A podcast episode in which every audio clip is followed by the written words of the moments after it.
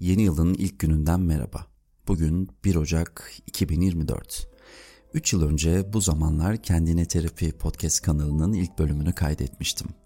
Şimdi görüyorum ki o günden bugüne kocaman bir aile vermişiz. Seninle yaptığım bu konuşmalar aslında kendimle de yaptığım konuşmalar. Bu yüzden sana anlatınca kendimi de duymuş oluyorum.''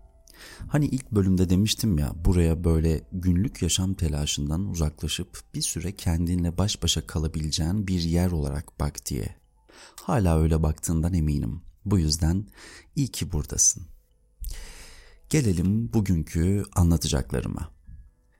Bu yayının bir kısmı yeni yıl ile ilgili fakat bir kısmı da bu yılın değerlendirilmesiyle. Hani geçmişi anarken büyüklerimiz sene bilmem kaç diye başlarlar ya cümlelerine. Mesela 99 depremi, mesela 2020'lerin başındaki pandemi dönemi gibi. Yıllar sonra bile olsa bu tarihleri ilişkilendirdiğimiz olaylardan dolayı asla unutamayız. Hem bireysel olarak hem de toplumsal olarak. Tabi sana sorsam unutmadığın zamanlar neydi diye kişisel olarak anlatacağın birçok şey vardır. İşte 2023 de benim için bu yıllardan biriydi. Mesela 2013 yılını da unutmam unutamam. Basılı olarak ilk kitabım yayınlanmıştı çünkü. 2014 yılı ilk TV programımı, geçen sene ilk yurt dışı deneyimimi. Bunları unutmam imkansız. Tabi üzücü hikayeler de var. Onları da unutmuş değilim. Unutmanın da zaten çözüm olduğunu sanmıyorum. Yaşadığım kayıplar beni duygusal olarak etkileyen aklına gelebilecek birçok şey unutmamı engelliyor. Ha bir de 2019 Temmuz'u da bu zamanlardan biri beni mental ve psikolojik olarak çok etkilemiştir. Unuttum mu? Hayır. Ama hatırladığımda tekrar tüm o kötü şeyleri yaşıyor muyum? Ona da hayır. Anıyor ama o zamanlarki gibi üzülmüyorum. Zamanın burada iyileştirici ve normalleştirici yardımı imdadıma yetişiyor. Bizim bazı duygularda, bazı olaylarda takılıp kalmamızın sebebi ise hayatı doğrusal değil de döngüsel algılayışımızla ilgili. Üç yıl önce başımıza gelen şey ne yapıp ediyor tekrar kendisini hatırlatıyor. Hatırlatmakla kalsa keşke. Ama bugün yaşadığımız olayların faturasını hep o takılıp kaldığımız zamana kesiyoruz. Yani dönüp dolaşıp aynı noktaya gelebiliyoruz. Oysa hayat da zaman da doğrusaldır aslında. Yani bugünü geride bırakıyoruz sonra diğer günü de yani düz çizgi olarak düşünebilirsin. Ne diyecektim? Ha mesela hepimiz 31 Aralık derken yılbaşını anımsıyoruz. Oysa bu tarihe daha çok yıl sonu gözüyle bakmalıyız bence. Geride bıraktığımız yılın Z raporunu almalıyız. Neler yaşadın, neler hissettin, 12 ayın her birini hangi kelimeyle tanımlarsın, 2022'nin sonundaki beklentilerinle 2023'ün sonundaki beklentilerin birbiriyle örtüşüyor mu yoksa sen çok uzağında mı kaldın bunların? Ve ne kadar yaşadın 2023'ü? Hissederek, farkında olarak, zamanın ayak izlerinde kaybolmadan, kendini bilerek. Bu sorgulamalar seni kötü hissettirmemeli. Hani televizyon kanallarında maç sonrası yorumcular konuşur, tartışır. Her iki takım da maç sonrası değerlendirme yapar ya. Hatta bir film izledikten sonra da film şöyleydi, böyleydi diye konuşuyoruz. Aslında yaşadığımız, yaptığımız, izlediğimiz, başımıza gelen her şeyde bir değerlendirme, bir analiz var. O halde yeni yıla girdik diye önceki yılı harcamamalıyız.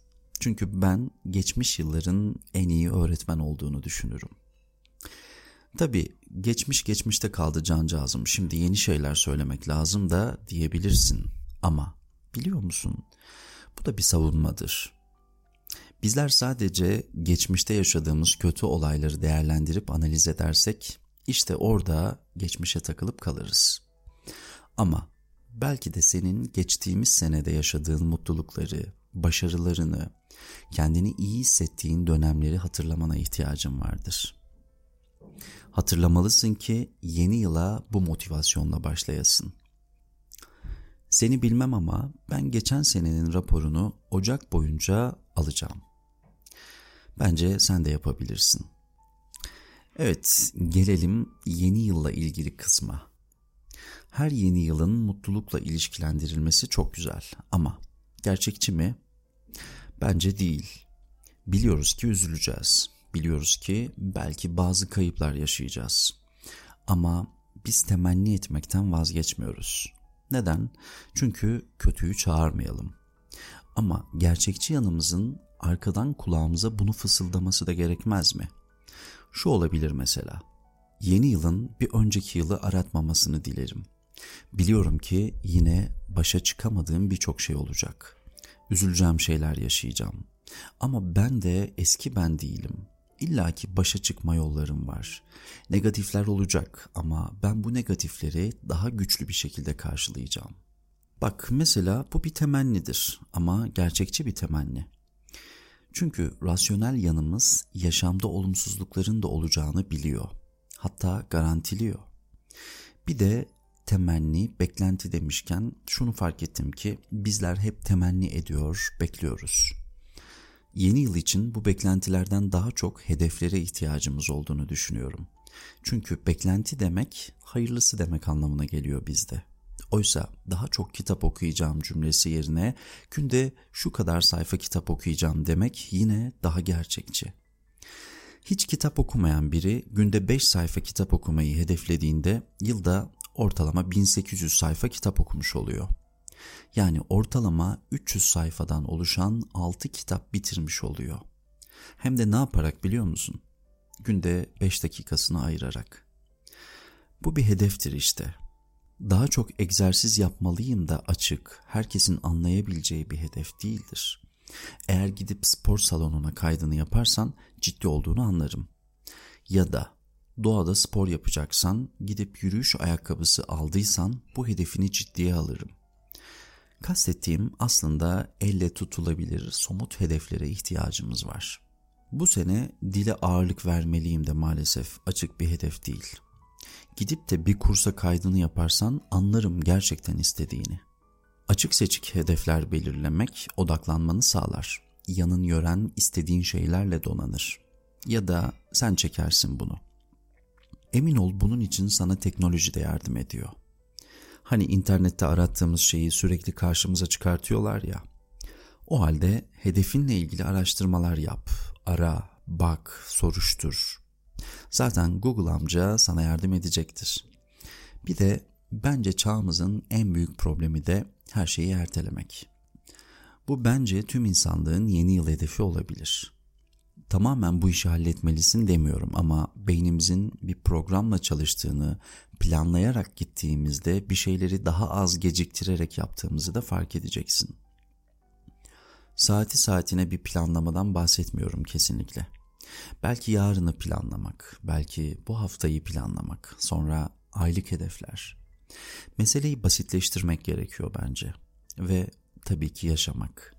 Tüm bu telaşın içinde nefes almaya, sorgulamadan, her şeyi didik didik etmeden olur öyle demek gerekiyor.